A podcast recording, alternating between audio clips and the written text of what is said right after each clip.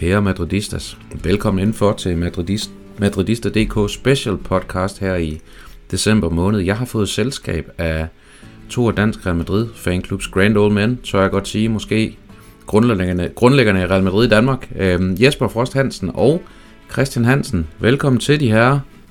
Jo tak. Tak for det.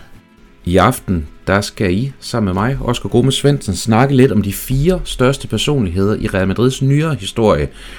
Det vil sige, I har fået at vide, at I skal prøve at finde fire personligheder, som inden for den her ramme, som går på, at de skal have været folk, som har sat et aftryk på Real Madrid. Det kan være på banen, eller uden for banen, eller selvfølgelig begge dele. Og så har vi valgt at sætte en, øh, en skillelinje fra, fra 1990 og frem til nu. Så øh, det er fra dengang verden var i farver, Jesper. Så du må lige tage de, de første 20-25 år af dit, uh, af dit liv og glemme det i hvert fald. Og så, øhm, og så se, om du kan grave lidt frem fra, fra det, vi andre vil kalde ungdommen, og selvfølgelig det, du vil kalde den nyere historie.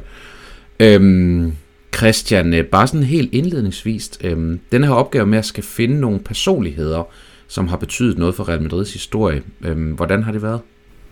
Jamen, faktisk ikke så nemt. Øh, nu kan jeg jo så også afsløre for lytterne, at jeg måske havde glemt den vigtigste. Øh, lige indtil det gik op for mig, at det netop var personligheder og, og skikkelser hele vejen rundt. Øh, men, men jeg synes egentlig, efter jeg lige selv fik besluttet, hvilke kriterier jeg valgte ud fra, så var det rimelig klart, og, og som du også altså jeg har jo sendt nogle svar til dig, så, så har jeg jo nærmest sådan en, øh, en rangering fra 9 til, 9 til, eller fra 1 til 9-10 stykker. Altså jeg er egentlig ret overbevist om, hvilken rækkefølge de her de bør ligge i. For mig at se, der er en enkelt, man måske kan diskutere, om skal rykkes op eller ned, og det bliver lidt spændende, men, men jeg synes, det er ret klart. Øh, men, men det kan jo være, at Jesper han har valgt nogle helt andre linjer øh, at se ud fra. Det vil jo slet ikke overraske mig, hvis, øh, hvis han hiver et eller andet frem fra start 90'erne, som, øh, som jeg slet ikke havde tænkt over. Øhm, men, øh, men det, vil jeg, det vil jeg glæde mig til at høre. Jesper, hvad har du sådan brugt som kriterie i forhold til dit valg? Er der, har du gjort et eller andet for ligesom at, altså at, at få rangeret de her personligheder fra 1990 til i dag? Jamen, jeg har tænkt i, i fire personligheder, som på hver deres måde øh, har været med til at, at ændre Real Madrids historie, altså via deres tilstedeværelse i, i klubben. Øh, det, det er sådan lidt ved min indgangsvinkel til det, og, og, og derfor tror jeg heller ikke nødvendigvis, Christian, jeg har de, de fire samme personer. Øh, det vil jeg da næsten håbe, vi ikke har, bare for, for samtalens skyld. Øh, men, men, men det har været mit udgangspunkt, at det skulle være, være fire personer, der på, det, på den ene eller anden måde har ændret historien. Hvad har vægtet mest for dig den her scene, Jesper? Har det været på eller uden for banen? Jamen, jeg har jo taget to øh, uden for banen og to på banen, så, så det har været sådan 50-50. Det var den øh, salomoniske løsning.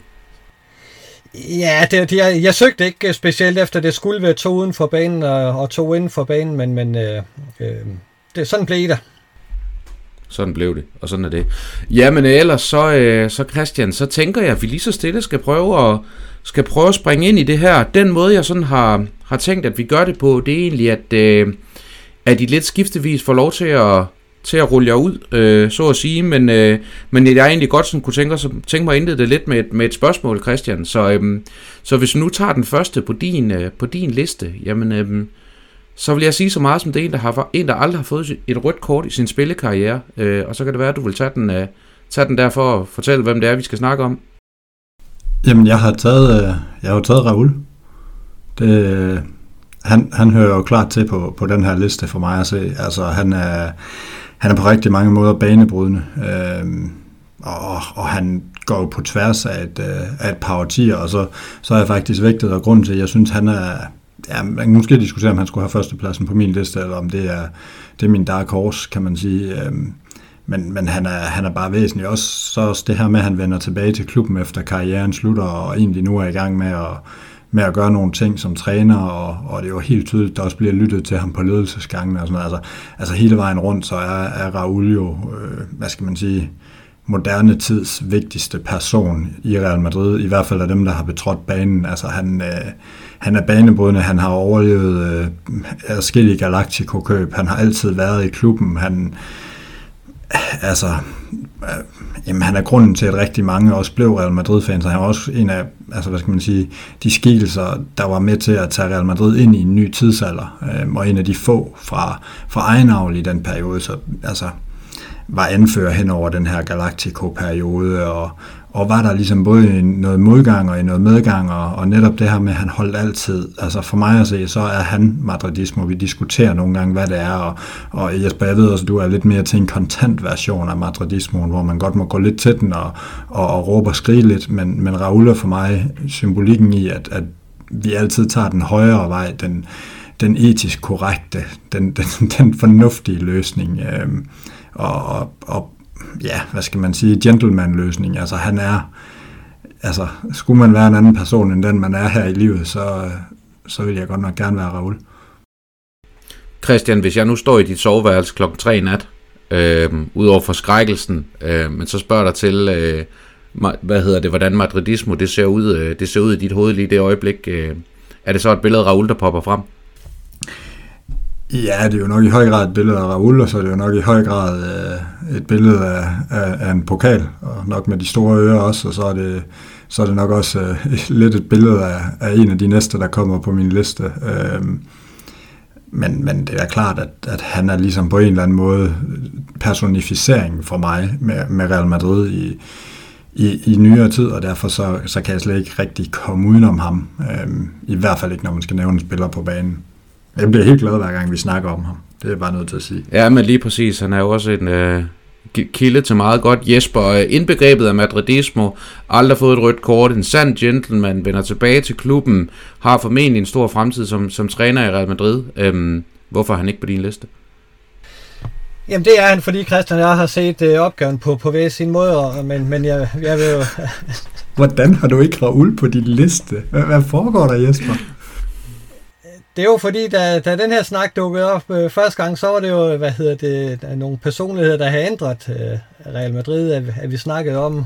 Og det mener du ikke, Raul øh, Nej, ikke, ikke på den vis. Altså, jeg er jo fuldt på linje med dig, at han er, er noget af det ypperste, øh, hvad hedder det, der har betrådt, øh, hvad hedder det, fod, en fodboldbane i Real Madrid nogensinde. Altså, jeg, jeg elsker også Raul, og han er også for mig indbegrebet af madridismo. Øh, Øh, når, når jeg ikke har ham med, så, så er det fordi, øh, jeg, jeg synes ikke på den måde, øh, at, at han i, i situationen har ændret historien øh, i, i Real Madrid som på samme vis som, som, øh, som de fire, jeg har. Øh, og det, det, dem, jeg har valgt, de har gjort det på en lidt øh, anden måde, end, end, øh, end Raul øh, sikkert ville gøre det, men, men øh, det kan vi jo komme hen på hen ad vejen. Så, så 6 La Liga, nej, 6 La Liga, det var forkert, undskyld, men 741 kampe, 323 mål. Så har du ikke ændret historien. Ikke, ikke på den måde, som, som jeg har, har gået til opgaven. Det er jo ikke fordi, at der overhovedet er noget i vejen med det, du siger, eller noget i vejen med, med Raul, men, men det er ikke den indgangsvinkel, jeg har haft øh, til det. Altså, fordi så kunne jeg bare have taget øh, de, de fire med de bedste stats øh, øh, Jamen, det har, det har I, jeg ikke, bare roligt. Men, uh, nej, nej. men okay, jamen, spændende. spændende. Jeg, jeg glæder mig til at høre, hvem du har nu. Nu, nu bliver det spændende for mig. Det er fantastisk. Ja, jeg kan høre, det bliver der, en uh, interessant aften, det her, drenge. Der, der er faktisk, jeg har en med, som, uh, som du nok vil kalde den diametrale modsætning af Raul, så det, det skal nok blive hyggeligt, du, når vi kommer Hvis du har det bare i år med, så tager jeg hatten af. Jamen, hvem kunne det ellers være? Nej, det var du skal. Jamen Jesper, det kan være, hvis vi skal tage øh, ham, du, du refererer til, og så vidt jeg lige kan se ud fra listen, så skal vi endda øh, uden, for, uden for stregerne. Ja, vi skal, og vi skal til, vi, vi bliver på den iberiske halvø, men vi skal lige et, et smut over grænsen til, til Portugal øh, og hente José Mourinho frem. Og, og det, det er jo, hvad hedder det, en helt anden måde at se madridismoen på end, end Raul. Øh, det, det tror jeg hurtigt, Christian jeg kan blive enige om. Men grunden til, at jeg tog ham med, det er fordi, jeg synes, øh, Real Madrid på det tidspunkt, da han kommer til, øh, jeg har skrevet sådan lidt i, i parentes, at de havde en, en tabermentalitet. Altså, vi var virkelig ringe Champions League og røg jo nærmest per definition ud i 8. delsfinalen. Og blandt de ting, øh, gode ting, Mourinho trods alt gjorde i, i, i den tid, han, han var i, i klubben, det var at ændre den der tabermentalitet til en vindermentalitet. Altså det blev lige pludselig muligt og nå videre i Champions League. Det blev lige pludselig muligt øh, med lidt tilløb at kæmpe med med, med Barcelona, øh, selvom han tabte sin første kamp øh, øh, med, mod den med 5-0, så, så lykkedes det jo at, at få et overtag på Barcelona også, og, og få, få holdt guidet i en retning af, at, at øh, man sidenhen kunne begynde at vinde Champions League-titler.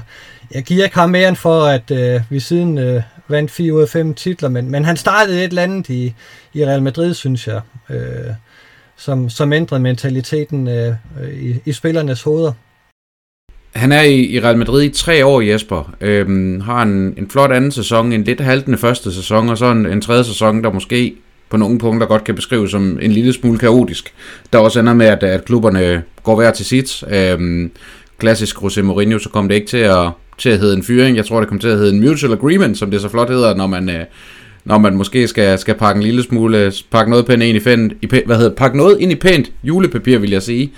Øhm, men øhm, sådan meritmæssigt, Christian, øh, ham her, Jose Mourinho, øhm, hvad er, og nu stiller jeg dig det umulige spørgsmål, hvad er Jespers argument for at vælge ham over eksempelvis en Zidane eller Carlo Ancelotti på, hvad hedder det, på nu, som, som træneren, der har gjort forskellen i Real Madrid?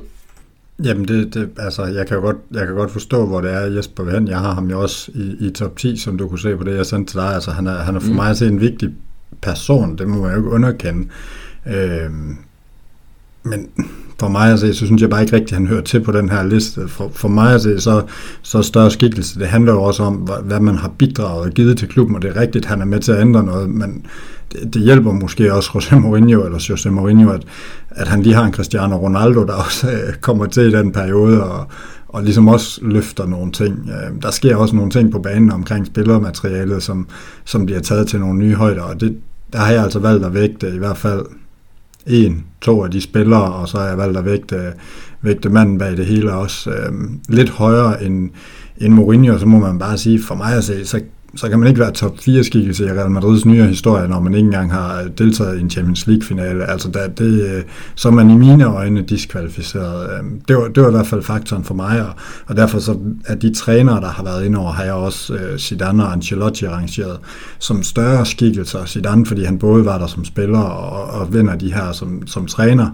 øhm, og, og Ancelotti, fordi han bare for mig at se, altså det kan jo godt være, at Mourinho han gør forarbejdet, men, men altså, det er vel trods alt ham, der bringer den, bringer den hjem for at blive i lidt moderne landsholdstermer. Øh, der, der skal have æren for at bringe den hjem. Altså, hvad skal man sige, du, du hylder heller ikke uh, Usain Bolts træner, for at Usain Bolt han slår verdensrekorden. Altså, du hylder Usain Bolt. Så, så i mine øjne, så, hvis vi skal have fat i en træner, så er det, så er det Ancelotti eller Zidane. Øh, men jeg kan godt se, hvor du vil hen, og jeg kender også godt din forkærlighed for Mourinho, så, så der er ikke noget, altså, hvad skal man sige, jeg synes også, at han er en vigtig person, men, men for mig at se, så han ændrer nogle kulturelle ting, men det synes jeg jo egentlig også, de to andre gør. Øh, de gør også deres, de gør det bare på en mere stilfærdig måde, og råber ikke så højt, og, øh, og, og ødelægger heller ikke noget omkring sig i mellemtiden og, og det er jeg fuldstændig enig med dig i, og, og, og skulle jeg have en, en trænerlist med, med de tre der, så er Jose Mourinho også på en, på en tredje plads. Jeg synes bare, han, øh, altså mit udgangspunkt var at gå ind og, og finde nogen, der på, på det tidspunkt, de er i klubben, øh, går ind og ændrer nogle ting øh, markant, øh, og, og det synes jeg trods alt, at Mourinho gjorde her øh, for det positive. Der kom så sidenhen nogle ting, hvor han ødelagde lidt igen, øh, så, så hvis man kigger det på den måde, så, så udligner det jo nærmest sig selv, fordi han nu også at få ødelagt en masse ting, inden at, at han smuttede ud af bagdøren. Men, men, men han ændrede den der tabermentalitet til en vindermentalitet. Der er nogle elementer af det, som Real Madrid sidenhen har haft rigtig god glæde af. Det er så blevet forfinet af andre trænere og, og med hjælp fra andre spillere, men, men øh, der er jo masser af, af trænere, der har fået stor anerkendelse, som, øh, som havde gode spillere til at hjælpe sig. Øh, undervejs med, med, med den succes, de fik. Så, så det, det, det synes jeg ikke diskvalificerer Mourinho på den måde. Øh. Nej, men det synes jeg heller ikke, men, men altså, hvis man så tager en Del Bosque, som jo måske også vil være på den her liste, øh, så gør han jo nogle, nogle, nogle fantastiske ting også, øh, og, og jeg synes jo egentlig også, det er måske virkelig den største, det største navn, jeg i hvert fald føler, jeg har udladt også, når vi får den her snak, at jeg synes jo faktisk også, at Del Bosque, han ændrer nogle ting. Han giver en, han til, altså, men det er måske lidt det, der er forskellen, lyder det som om, på det, vi har kigget på. Altså, du har kigget på, hvem radikalt ændrer noget, og, og jeg kigger lidt mere, har måske i virkeligheden faktisk kigget lidt på, hvem der for mig bringer, bringer Real Madrid tilbage i Real Madrid, i hvert fald med de fleste af, af valgene. Øhm, det er måske bare to forskellige måder. Det, det er lidt sjovt at diskutere, faktisk. Men, men Jesper, da du sendte mig det her tidligere på dagen, der var jeg også ligesom øh, Christian i hvert fald en lille smule ned af stolen. Men, men så vil jeg faktisk godt komme der en lille smule til forsvar, selvom, øh, selvom det er jo en af mine opgaver at være neutralitetens mester her øh, som, øh, som, værdig, som værdig i dag. Men, øh, men fra vi har øh, før omtalt Del Bosque, Christian, og så egentlig til, øh, til Jose Mourinho, han kommer, kommer frem. Øh, så du komme et gæt på, hvor mange træner vi har den mellemlæggende periode, der strækker sig over sådan cirka syv år. Ja, vi kører vi ikke. Er det ikke noget med, at vi kører 8 på 7 år? Det, det er jo nogle quizzer, vi lige inde og quiz. Det er noget stykker af mit bud. Vi kommer faktisk op på ni trænere i den her periode. Øh, Carlos Queiroz, som er til VM i øjeblikket, meget, bekendt, øh, meget bekendt hedder det José Antonio Comacho, Mariano Garcia Ramon, Vanderlei Luxemburgo, Juan, øh, José, Juan Ramon Lopez Cardo hedder han selvfølgelig, Fabio Capello, Bernd Schuster, Juan de Ramos, din yndling, Manuel Pellegrini, og så egentlig, da Jesper selvfølgelig øh, henvendte til dig, øh, indtil øh, José Mourinho tager over, og egentlig lidt din argumentation, du har her, Jesper, med, at det er først, at José Mourinho han kommer til Real Madrid, der er noget, der fundamentalt ændrer sig i klubben. Øhm, jeg, kan godt, jeg kan godt lide din argumentation omkring, hvorfor det ikke nødvendigvis er for, for præstationerne, for man kan sige tre trofæer på tre år, det, det er ikke meget i, i Real Madrids historie, men, men måske den impact, han trods alt havde på klubben og skabt noget, noget ja, Mourinho's stabilitet på trænerposten, skal vi så ikke, øh, skal vi så ikke strække så langt og kalde det det, øhm, som trods alt måske gjorde, gjorde lidt en forskel i Real Madrids historie, og måske også mere, end vi anerkender i dag, øh, Jesper. Er det, øh, er det, er det helt grebet ud af den blå luft, at jeg prøver at komme dig til undsætning på den måde? Nej, det er meget fint. det, det er meget fint. Det, det er lidt de tanker, jeg har haft, at, at jeg, jeg synes, øh, som sagt, at Mourinho, han, han fik ændret lidt men, mentalitet, som Real Madrid havde brug for, øh, for at komme ud af den der dødvand med, var det, var det otte sæsoner, hvor vi røg ud i, i 8. delsfinalen. Øh, altså, det, det var en, en ganske lang periode i hvert fald, hvor, hvor, hvor, hvor det nærmest øh, stod skrevet inden, at sæsonen gik i gang, jamen det var til, til og med 8. delsfinaler, så ikke videre for Real Madrids vedkommende. Og det er jo helt uhørt for en klub øh, af Real Madrids størrelse, at, at man skal have den mentalitet. Så, så derfor synes jeg, at han gik ind og ændrede på nogle ting. Og i øvrigt så han også øh, meget apropos, hvad vi snakkede om, øh, nummer to på listen over trænere siden 1990, øh, der har stået i spidsen for flest kampe for Real Madrid i, øh, hvad hedder det, som træner. Øh, kun overgået af, igen, før omtalte Del Bosque. Men øh, José Mourinho, Christ, eller hvad hedder det, Jesper, jeg kan høre, det var en øh, lille smule kontroversielt valg, men øh, jeg tror dog alligevel, du fik, øh, du fik argumenteret, øh, argumenteret fint, hvorfor, øh, hvad hedder det, hvorfor vi skulle have ham der. Øh, Christian, jeg kunne egentlig godt tænke mig at hoppe en lille smule tilbage til dig. Øh, og så kan vi jo tage måske øh, ned mellem stængerne, var jeg lige ved at sige, og tage José Mourinhos bedste ven, Ja, Cristiano Ronaldo. Nej, nu tænker jeg ned mellem øh, stængerne, så øh, skal vi ikke lige øh, oh, gå i en anden ende af banen? Oh, på den måde, jamen så uh, Iker Casillas, det er jo også, uh, det er jo også en af Jespers favoritter. Altså, for mig så har det betydet noget, det her, de her, der har båret anførerbindet. Uh, og, og så har jeg faktisk også tillagt en lille smule historie, eller sådan vægt i forhold til det her. Det, det er sjovt, for vi har krævet det vidt forskelligt an, Jesper. Sådan går det altid, når vi sidder sammen og skal lave et eller andet. Ja, det... vi ender med totalt forskellige kriterier. Og så har jeg faktisk også vægtet det en lille smule i forhold til det her med impact for Real Madrid. Øh, at han også havde en stor rolle på det spanske landshold i den her periode, hvor, hvor Spanien vinder alt, og, og på den måde egentlig ender med lidt at, hvad skal man sige, forsvare Real Madrids ære igennem en periode, hvor, hvor det spanske landshold også var meget Barca domineret.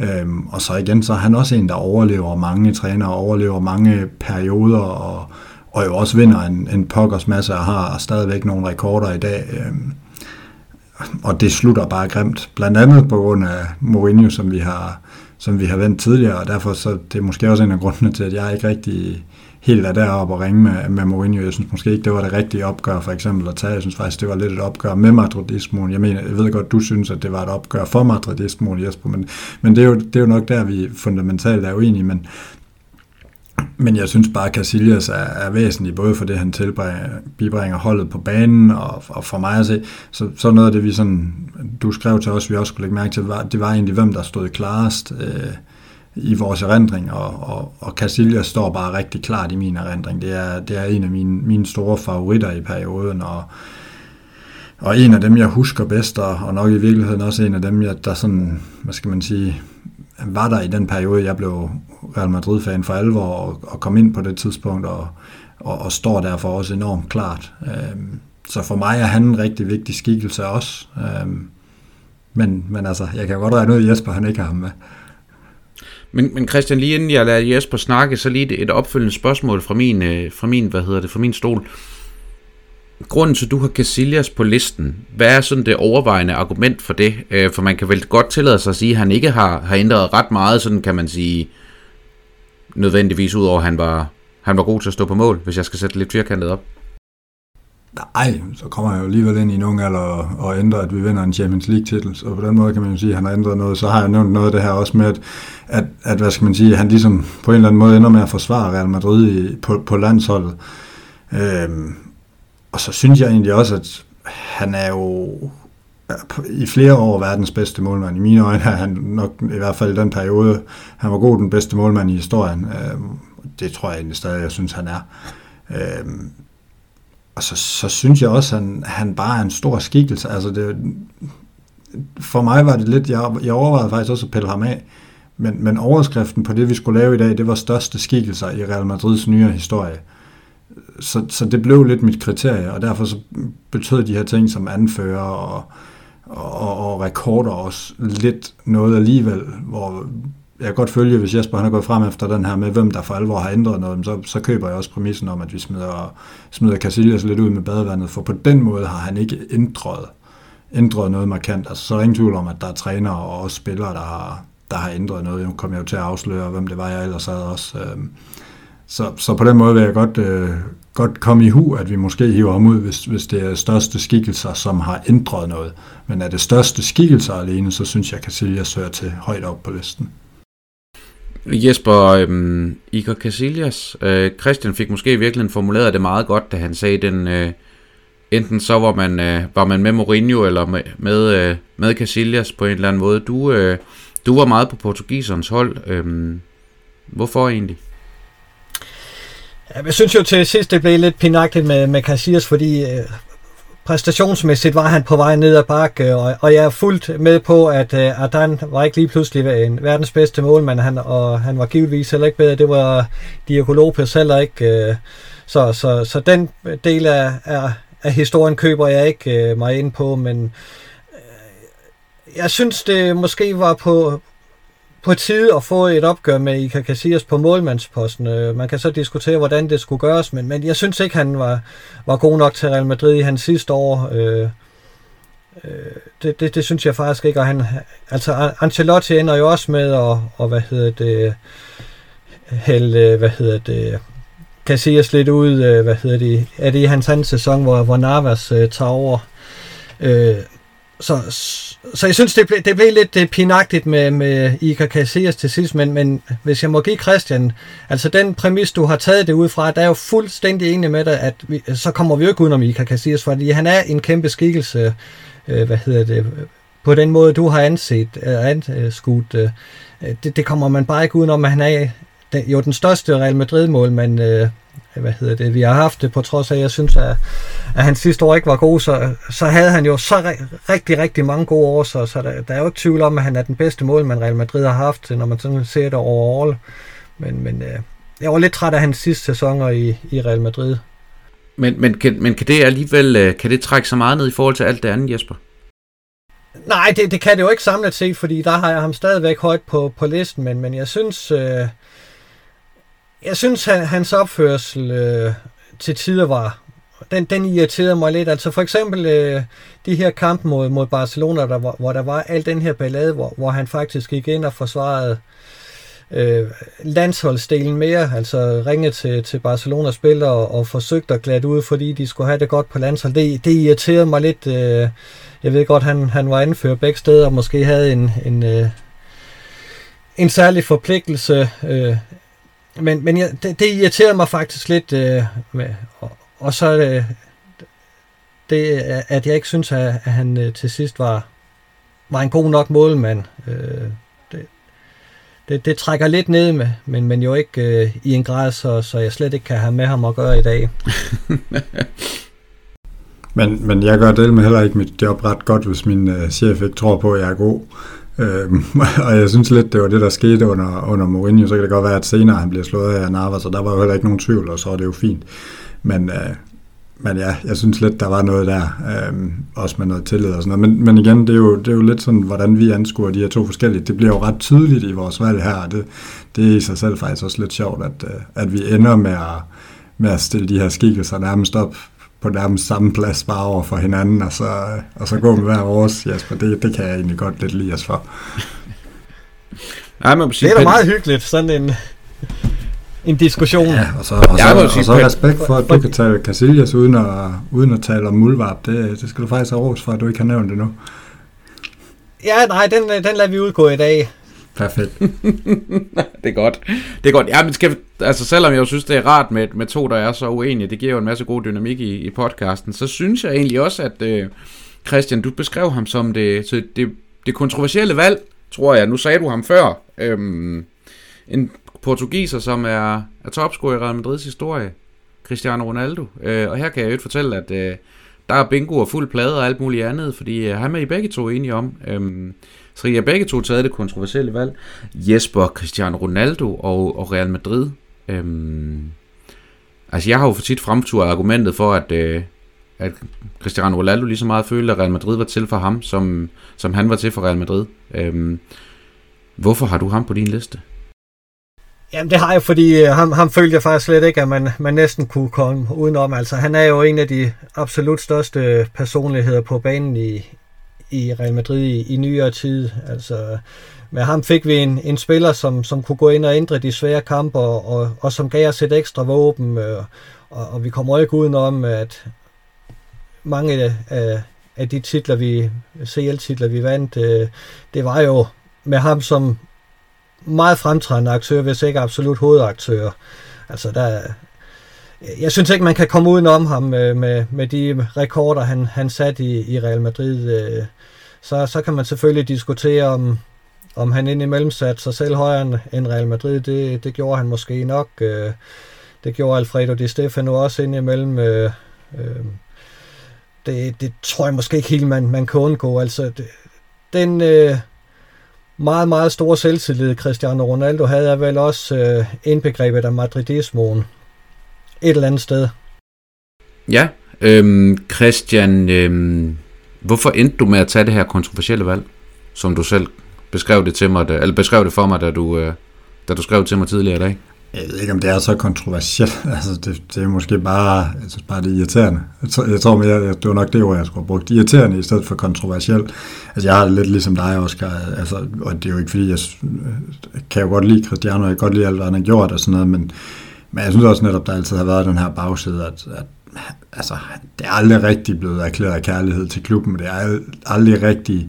Altså, man har siddet heller ikke med en fornemmelse af, at han sådan rigtig vender tilbage. Altså, han var der i den periode, og han ændrede en masse på banen, og det er også derfor, jeg ikke har Mourinho på, på min liste, fordi jeg jo netop synes meget, at det, det, det måske i virkeligheden også handlede om spillermaterialet, at man lige fik Cristiano Ronaldo, det gjorde trods alt også tingene en lille smule nemmere.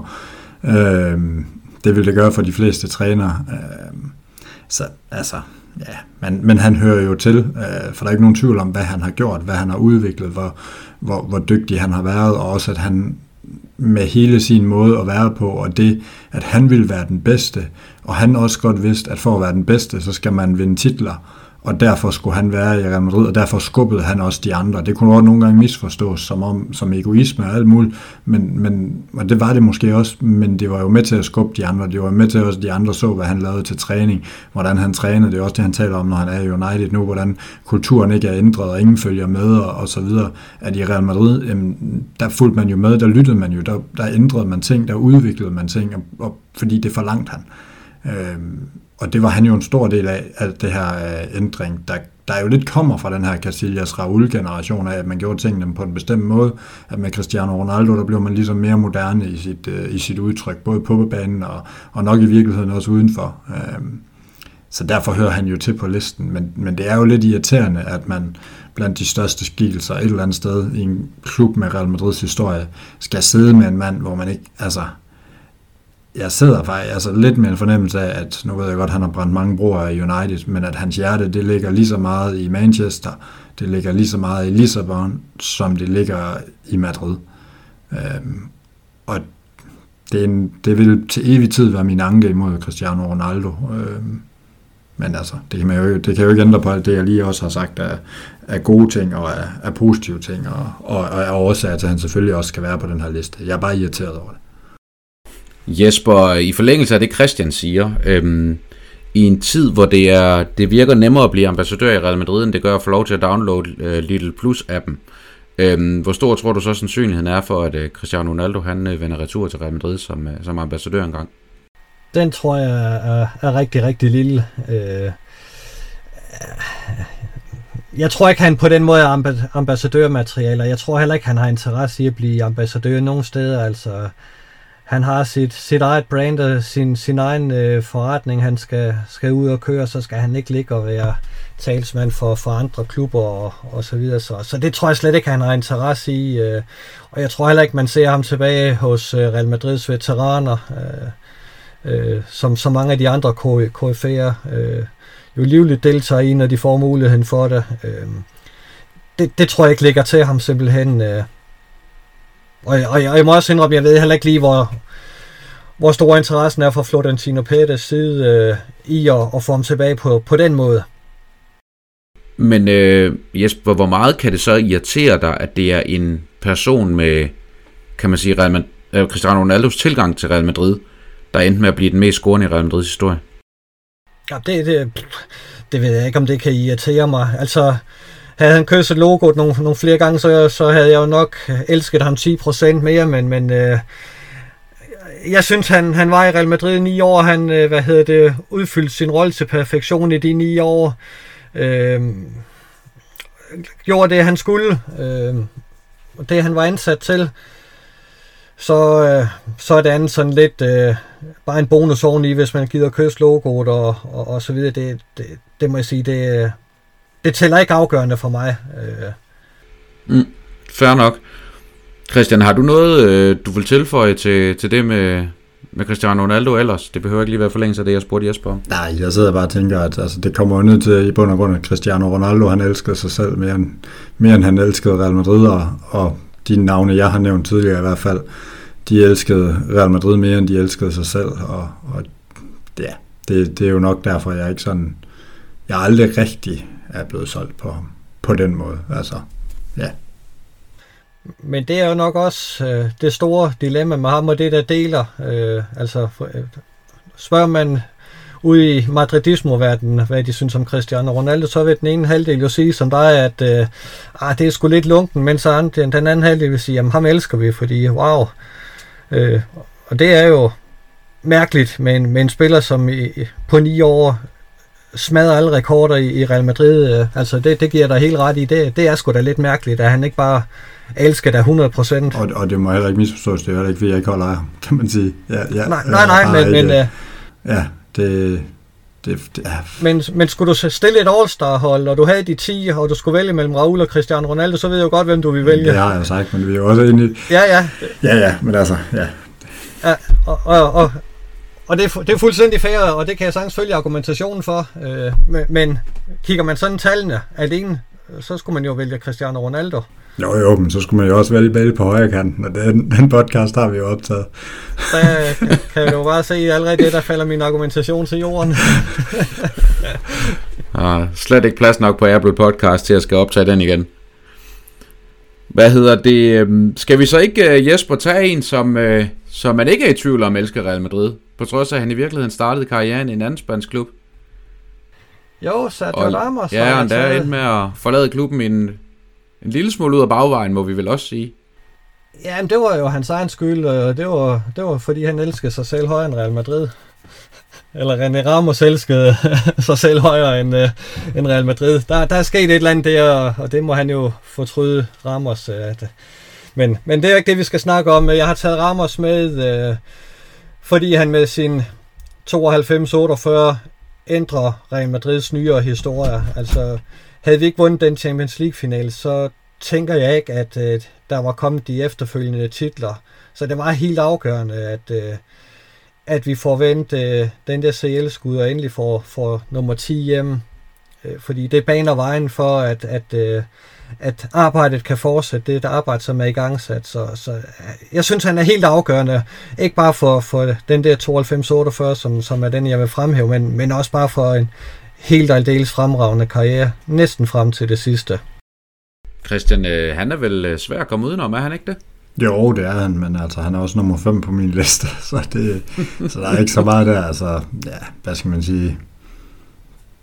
Ja, altså, det, det er jo sådan lidt at vælge mellem, om, om det skal være, være Raul Casillas og, og for den sags skyld Ramos. Altså, jeg tror i virkeligheden, jeg har tillagt det lidt, som du siger, han kom fra en anden klub først. Øhm, og igen, måske også en lille smule det her hjerte. Altså, det virker også, som om Ramos han gerne lige vil hjem og slutte af i, i, hvad hedder det, i Sevilla, og ja, så der er måske nogle ting der, der har gjort, at han lige, han lige gled ned på min liste, men, men altså, jeg havde ham jo i, i top 4 længe, så det er jo ikke, fordi han, øh, han ikke hører til, synes jeg. Øh, jeg har ikke så meget at, at, at argumentere imod Jesper på her, fordi jeg tror egentlig, der, der, er, vi, der er vi langt hen ad vejen enige. Altså, jeg vil så sige, hvis det handler om det her med at ændre, jo, hans hovedstød ændrer, men, men så kan man jo sige, så har Casillas og, og Raul jo netop også ændret ved deres ting, og det, altså, nu sagde du jo selv, at, at kriteriet det lidt var også, hvad man havde ændret Øhm, rundt om og i klubben og sådan noget. Der ved jeg ikke, hvor meget jeg synes, Ramos han som sådan egentlig ændrer. Nej, det, det er måske mere momentet ja. end, end selve Ramos. Øh, Præcis, og, og det kan jeg også sagtens købe. Der er jo heller ikke nogen tvivl om, at, øh, at det moment er, er, er måske i hvert fald i den nyere historie det mest væsentlige i Real Madrid.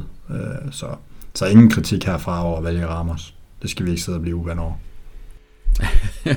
vi to, vi bliver sgu ikke uvenner. Vi kan være uenige om, om nogle ting, men vi bliver ikke uvenner, det tror jeg ikke på. Det er fint, Nej, men Christian... ja, det...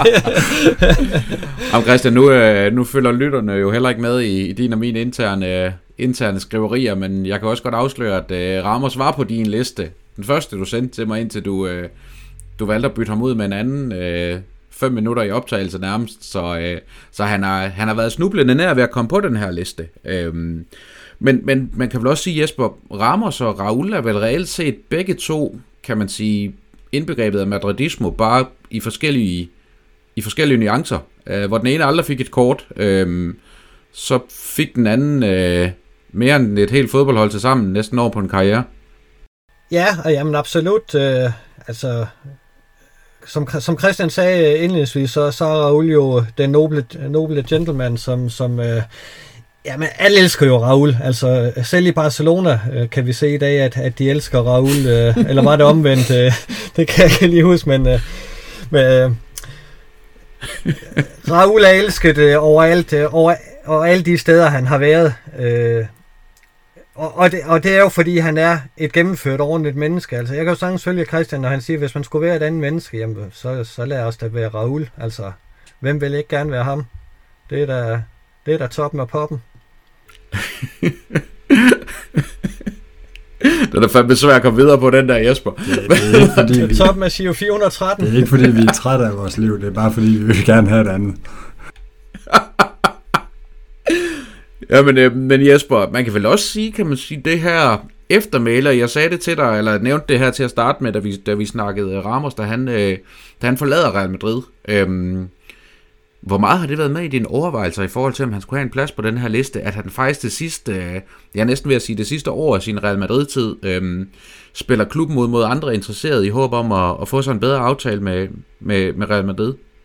Ja, det, det gjorde han jo stort set hver eneste gang, der skulle få hans kontrakt. Så var han jo på vej alle mulige steder hen, indtil han så øh, faldt, faldt til patten. Og det øh, var jo også det, han havde håbet på til sidst, at, at, øh, at, øh, at Real Madrid ville, ville komme med på galejen endnu en gang, men, men der, der kom han til at overskride en, en grænse, og det betalte han så prisen for. Det, det var jo helt fair, at, at han røg ud med, øh, øh, med, på røv og albuer, fordi altså, man skal ikke rende at være til grin over for ham, øh, som man var til sidst. Øh, så, så. Jeg har ikke taget det for enten, at øh, jeg synes, det var synd for Ramos, øh, at, at han gav sig selv den afsked, fordi han havde fortjent bedre, men, men øh, når man ikke kender sin besøgelsestid, så, så er der indimellem nogle konsekvenser. Dem, dem betalte han. Christian, savner du Real Madrid i klubben i dag?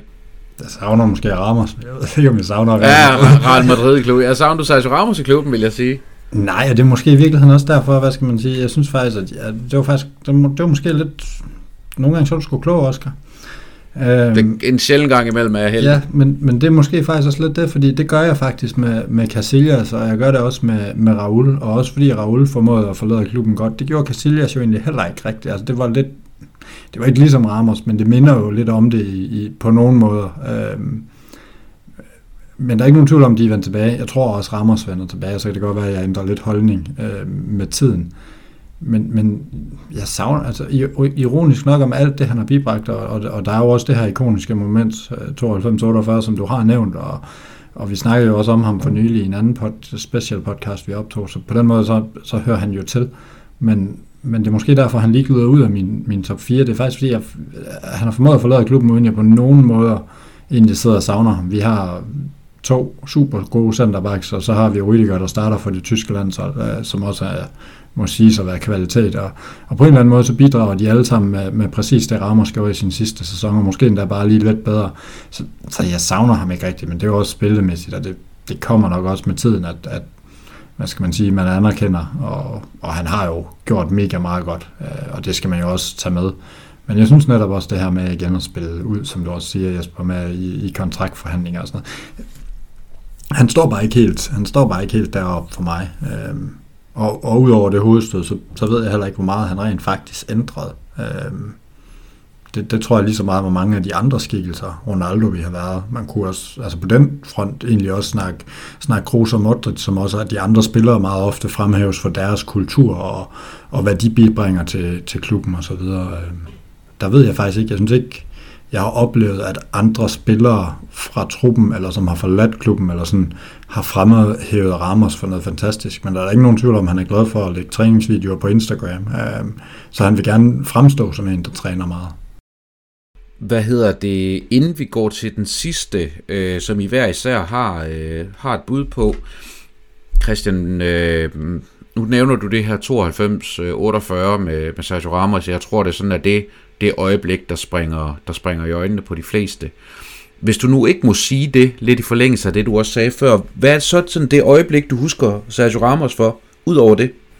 Ah, det er den her, det er den her Champions League, var det en semifinale mod Bayern, øhm, og han dukker op og scorer to mål. Altså det, det, er, jo, det er jo helt unikt, og, og generelt den her periode, hvor han, hvor han bare scorer uhyggeligt mange afgørende mål, og, og er i den sæson mindst lige så vigtig endda offensivt, for at vi vinder Champions League som Cristiano Ronaldo. Så, så det, det er klart det, øh, der, der står skarpest for mig.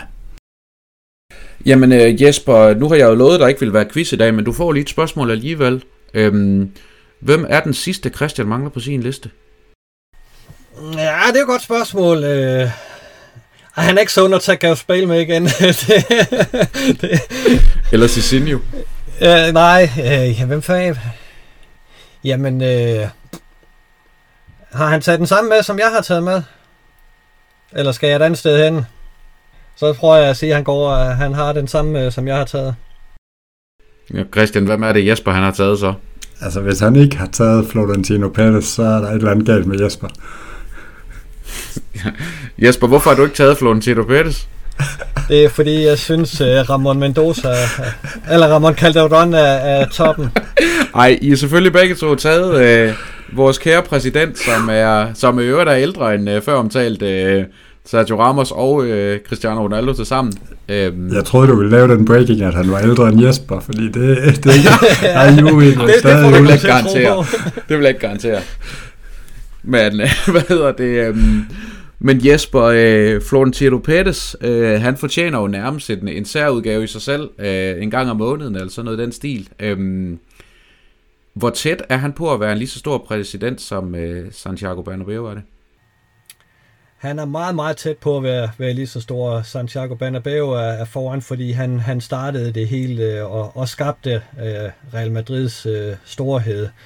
Øh, Florentino Perez har i går sådan bare udbygget den. Øh, men det er meget, meget tæt, fordi jeg er vanvittigt imponeret af, af Florentino Perez og, og hele det arbejde, han har lavet.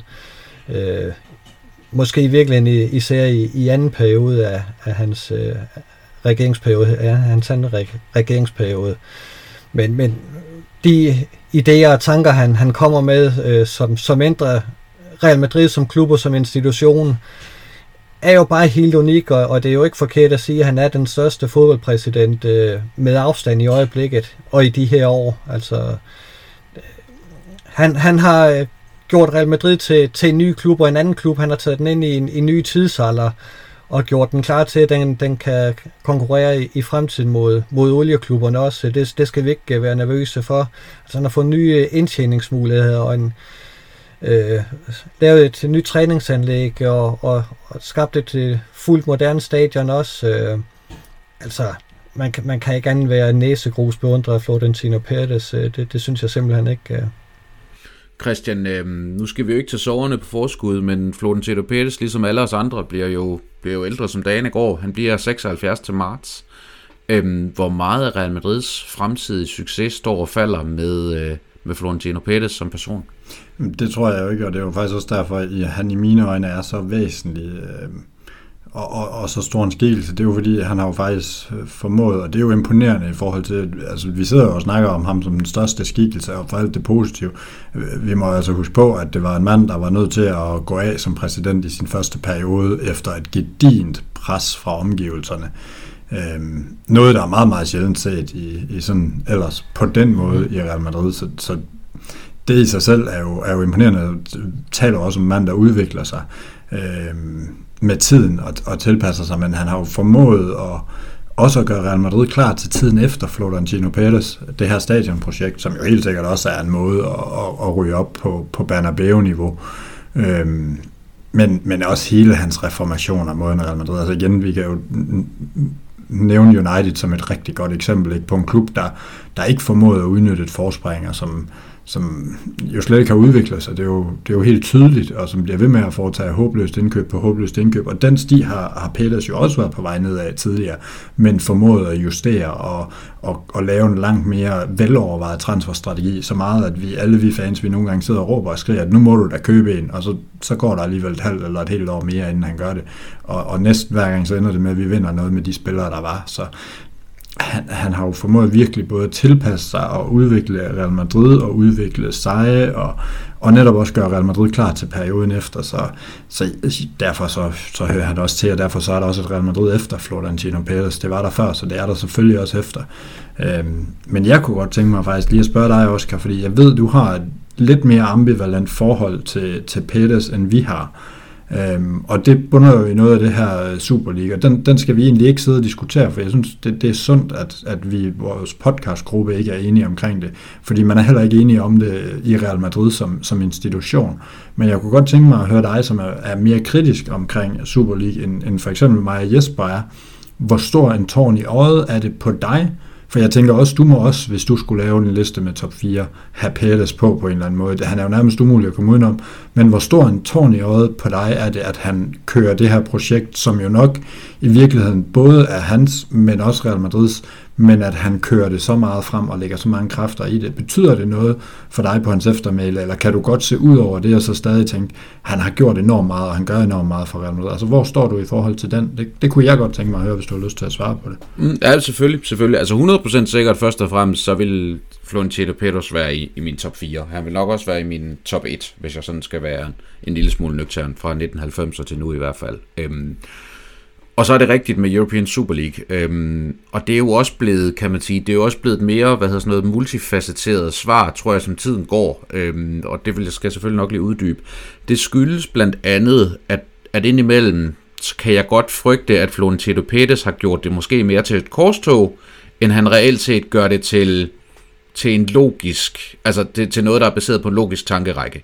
Øhm, for jeg tror, det er svært at være uenig i, at, øh, at der er en problematik i, at samtlige europæiske klubber efterhånden er ved at blive overtaget af, af Mellemøsten. Altså nu er det ikke så lang tid siden, det kom frem, at øh, to saudiske konsortier var meget interesseret i at købe henholdsvis øh, Liverpool og Manchester United, som er blevet sat til salg inden for den sidste måned. Det er nok ikke usandsynligt, at de her amerikanske ejere er mest interesseret i størrelsen på checken i forhold til salget af klubben, end de er af klubberne, end de er af altså, hvem der ligesom får lov til at overtage dem. Og Newcastle har jo ligesom sparket den her dør ind, øh, som Paris Saint-Germain i, i forvejen allerede havde, havde fundet plads, øh, fundet plads, hvad hedder det, eller havde fundet vej til, hedder det. Så, så er der ingen tvivl om, at pengene i fodbold bliver, bliver mere og mere voldsomme, og der er ingen tvivl om, at det kræver en regulering. Øhm, og det tror jeg alle sammen vi er enige om, og det bliver ikke bedre, at man har ham der øh, kalifgutten fra Paris, der sidder og, til at sidde og styre det hele. Øhm, fordi det, det svarer lidt til at bede øh, hvad hedder sådan noget, Infantino om at, om at rense i FIFA, eksempelvis. Øhm, og det har vi set her de sidste par uger, hvordan, øh, hvordan det spiller af. Eller spænder af, hedder det. Øhm, så der er ingen tvivl om, at, at det her European Super League-projekt i sig selv kan være et fornuftigt modsvar til den udvikling, vi ser i europæisk fodbold. Jeg er bare ikke sikker på, at det lige er at den løsning, man skal stå så stejl på, og man, ind, man måske også kan risikere at tage til Real Madrid og alle os fans i virkeligheden som, som gisler i et projekt, som, som måske fra fra dag et virkede fornuftigt, men nu er blevet sådan en lille smule tabersag, fordi man står lidt alene med, med i klub med Juan Laporte og så Agnelli Juventus, der trods, så trods alt trådt tilbage i forgårs. Men, øh, men, men det er der, hvor jeg sådan godt kan være lidt bekymret for, om man har gravet sig for meget ned i dag i, i den her skyttegrav, som hedder European Super League, så man ikke kan komme op og komme med et alternativt forslag til, til et modsvar til, til alle de her øh, hvad hedder det, mellemøstpenge, øh, som, snart render ud, fordi verden bruger mindre og mindre olie, men øh, så skal de også investeres fornuftigt, og så er europæiske fodboldklubber selvfølgelig altid et, et godt sted at starte. Så, så de, for at besvare de spørgsmål, Christian, det er ikke noget, der som sådan fylder i forhold til min opfattelse af Pette som person, eller i forhold til min, hans plads på min liste. Slet, slet, slet ikke. Øhm, men som fodboldromantiker kan jeg godt være ked af at se den udvikling, som, som Real Madrid måske også lidt bliver et led i, øh, for en led af, af det her skred, der sker økonomisk i international fodbold generelt? Det var et langt kort svar. Det, det, var, det, det tror jeg egentlig uddybede meget godt, hvad, ja, egentlig også nok, nok hvad jeg troede, du tænkte. Men, mm, men i ja. bund og grund, så, så, hvad skal man sige, så holder du det egentlig ikke rigtig sådan direkte op imod Pades som sådan. Nej, ikke som sådan. Ej, det, det har du helt ret i. Det gør jeg egentlig ikke, fordi at, altså, jeg tror også, det er sundt. Altså, nogle øh, revolutioner skal starte et sted, og der er nogen, der skal turde tage, tage det første skridt øh, ud af rækkerne, eller ud af gelederne, og, og der har Pette sammen med, må vi jo så kende, Laporta og Agnelli været, været de mest modige, der har turde gå op imod, gå op imod UEFA. Øhm, og det mener jeg bestemt, man skal gøre. Jeg synes, øh, den her VM-slutrunde har, har vist os, at der er ikke noget fodboldforbund, vi sådan reelt set kan, kan stole på i, i nogen som helst udstrækning. Så, øh, så jeg kan godt se, se logikken i det. Jeg tror bare ikke på, at, at Super League-projektet i sig selv, hvor man afskærer en hel masse mindre klubber, øhm, lad os bare tage FC København, som har været en masse økonomisk glæde at spille Champions League, og man begynder at fjerne, fjerne den mulighed. Det tror jeg vil ødelægge fodboldens økosystem, men, øh, men det, er en, øh, det er næsten en podcast i sig selv, tror jeg. Ja, ja, men det er jo, det er jo en anden snak.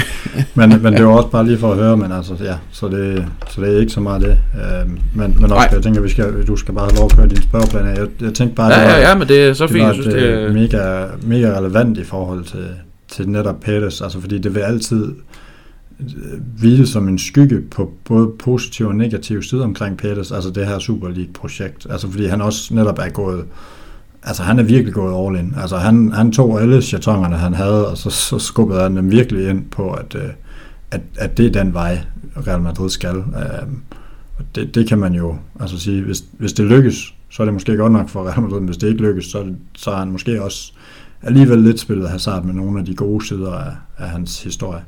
Præcis. Men, men jeg synes så også, at historien har vist os, bortset fra dag i 2006, hvor han måtte træde tilbage på grund af kritik over at fokusere mere på brandet end, end, end klubben, som klubben, kan man sige, sportslige, sportslige projekt, øhm, har jo egentlig vist os, at Pettis plejer at have ret. I hvert fald i det lange løb. Altså, det, er, det kan tælles på cirka en finger de gange, hvor Pettis egentlig har taget fejl. Altså, nu har jeg til i dag blandt andet skrevet øh, Casemiro, øh, Ramos og Cristiano Ronaldo i forlængelse af, af Florentine Pettis, Jesper, i det her med, at han, han er god til at se, hvornår nok er nok. Han er god til at finde sin, øh, ligesom at finde, finde ud af, hvornår, hvornår skal der ske en, en ændring, hvornår er det på tide at, at lave om på noget, for at man bliver ved med at forny sig som klub. Øhm, er, det, er det ham, eller er det nogen i staben omkring ham, der er, tror du, som, øh, som er gode til at gennemskue det? Altså, der er jo ingen tvivl om, at Florentino Pérez er, er en kold skid. Altså, han er forretningsmand, og, og, og når tingene ikke fungerer mere, så skal han ind til benet og fjerner det. Altså, fordi ellers så havde han ikke ACS, som er et af de største øh, entreprenørvirksomheder i, i verden. Øh, altså, han er forretningsmand, og når, når, når han bliver træt af ting, jamen så, så skiller han sig af med det, fordi øh, så er det en hemsko for, for klubben og, og for, for det, det øh, imperium, han, han styrer. Og, men så er der jo så samtidig ikke tvivl om, at han har nogle dygtige folk i blandt sig. Altså, jeg havde José Angel øh, Sanchez øh, med som min dark horse, øh, som en person, man godt kunne tage ind. Øh, fordi jeg synes, øh, der, der har man fået en... Øh, en administrerende direktør, som, som virkelig har, har fingeren på pulsen, og som er med i, i helt afgørende forhandlinger, både i forhold til Real Madrids øh, marketing og i forhold til afgørende handler med, med spillere osv. Så, videre. så, så det er en virkelig magtfuld person, øh, og, og dem har han jo været god til at finde også. Altså Rune Calafat, der var der jo heller ikke nogen, der har hørt om, men, men han styrer jo mere eller mindre Sydamerika, og har i hvert fald fingeren på pulsen dernede med rigtig, rigtig mange ting. Øh, og, og, og sådan er der jo flere personligheder, han har, har formået at hive ind, så, så han får jo gode råd, men, men øh, jeg tror ikke, man skal tage fejl af, at øh, Florentino Pérez i, i forhold til tidligere præsidenter, der, der elsker han ikke spillerne, som, som de andre gjorde. Og, og det, det, det er der nogle spillere, der har måttet betale prisen for på godt og ondt hen ad vejen, øh, blandt andet dem, du nævner der. Jesper, øh, nu har Florentino Pérez for, var det i løbet af, for, af sensommeren meldt ud, at det her stadion, det skal i hvert fald ikke opkaldes efter ham. Det skal blive ved med at hedde øh, Estadio Santiago Bernabeu, og det skal ikke opkaldes efter en musikstjeneste eller noget som helst andet. Øh, hvad i Madrid er det så, vi skal opkalde efter Florentino Pérez? Jamen, det kunne vel være, være træningsanlægget på et tidspunkt. Mm i Valdebebas, fordi det er jo kun delvis udbygget. Øh, altså, det, det er i går sådan bare et, et kæmpe stort træningsanlæg i øjeblikket, men der er jo masser af ubebygget øh, plads derude øh, stadigvæk, øh, hvor man for eksempel snakker om, at der skal være noget rekreativt område, noget forlystelsespark. Øh, altså den vej, Florentino Pérez har åbent der med, med blandt andet projektet i, i Dubai, kunne man jo godt forestille sig, at øh, der kommer noget tilsvarende i Madrid, og, og så var det jo oplagt at, at lægge det ud omkring øh, øh, træningsanlægget i Valdebebas, netop fordi det er et område, der er udset til at blive bebygget voldsomt af, af Madrids øh, øh, hvad hedder det, byråd øh, i, i de kommende år, og, og der er en masse infrastruktur, der bliver udbygget. Det er ude i det område, det er, der ligger en større togstation derude, og det ligger tæt på lufthavnen, så, så det er helt oplagt at, at lægge noget derude, som kunne være Real Madrid-relateret. Øh, så, så jeg kunne godt se, at, øh, at han kunne få det opkaldt efter sig øh, med, med tiden. Mm, ja. Christian, nu stiller jeg dig lige et spørgsmål, som du ikke har haft, haft mulighed for at forberede dig på. Jeg tror også, vi har rundet øh, Florentino Pérez så fint. Øh, jeg tror, vi kan, som jeg sagde før, tale meget, meget længere om alle de gode ting, han gør for klubben. Øh, hvilken spiller eller klub i, eller hvad hedder det, klubfigur har i nyere tid øh, været længst fra at komme på din liste, Christian? der er længst fra at komme på min liste. Ja. Ja, jamen, og så kunne man jo godt have lyst til at sige sådan en som, uh, som Faubert, men et eller andet sted, så var han jo også med til at ændre noget, fordi lige pludselig fremstod Real Madrid tragikomisk på rigtig mange områder, og, og måske, hvad skal man sige, lidt en forgænger for, at, at, at man gik ind og, og fik fat i sådan en som Juni Calafat, og hvis jeg lige skal runde Pedersen sidste gang, så, så er det jo også i forhold til, at, at, at den dygtige leder og den dygtige formår jo også at omgive sig af gode assistenter og, og gode folk, øh, og skære de dårlige væk, når de bliver dårlige, og det har han jo om nogen formået. Men længst væk fra at kom på min liste, øh, jamen, øh, jamen så, så, så er det nok, altså, jeg ved ikke hvorfor, sådan, sådan en som Emerson, han dukker op, altså sådan, øh, han var om nogen en ligegyldig spiller, hentet i en høj alder, som, som aldrig rigtig fik, fik ændret noget som helst i Real Madrid. Øh, Øh, ja, altså sådan lidt den der type, altså hvad skal man sige, fordi man kunne jo også godt nævne, nævne en Gravesen, men på en eller anden måde fik han jo ændret nogle ting, og fik jo gjort lidt op med, at, at der ikke var nogen, nogen hard hitter, og, og fik jo gjort op med lidt nogle ting.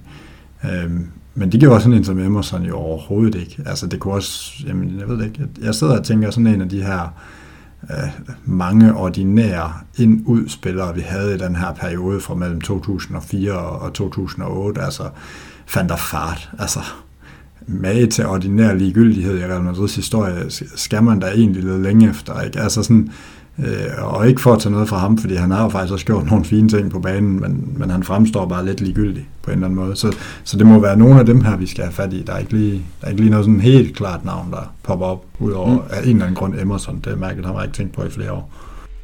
Nej, men Jesper, det er vel også hele, hele kimen i det, øh, det her lidt øh, unfair spørgsmål, jeg stillede Christian. Det er vel egentlig også i virkeligheden den person, vi, vi husker mindst.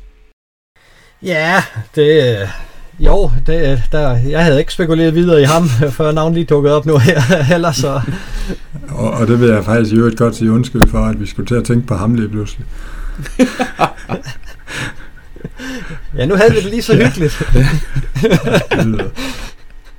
så, men, øh, men her til sidst, øh, kunne det egentlig være en lille sjov øvelse, og jeg ved ikke, om vi kan, vi sådan kan tage den relativt hurtigt, men I er kommet frem til, til seks navne, sådan øh, på tværs af hinanden, så at sige. Øh, Raul, øh, Florentino Pérez, Casillas, Cristiano Ronaldo, Mourinho og Sergio Ramos. Øhm, hvis I nu skulle graduere dem fra første til, til sidste pladsen i fællesskab. Så vil jeg godt tage nummer et og sige Florentino Pérez. Jesper, hvem har du som nummer to?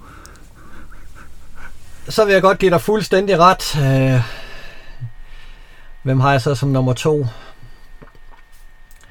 Jamen, så vil jeg, så vil jeg godt øh, kreditere dig for at have, have taget Raul med øh, de argumenter, du, du, øh, du kom med, fordi han er en, en mega stor skikkelse og, og elsket af alle, og, og det må også betyde noget, når man snakker personlighed, så, så han vil jeg godt være med til at smide ind på andenpladsen.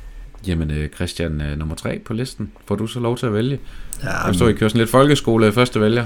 Det var lidt det, jeg tænkte. Det var lidt for at komme ud af, for jeg vidste godt, øh, at Jesper han ville kunne blive overtalt til som nummer to, og så kan jeg tage Cristiano Ronaldo som nummer tre, og så kan Jesper stå med den, som ingen vil have som nummer fire.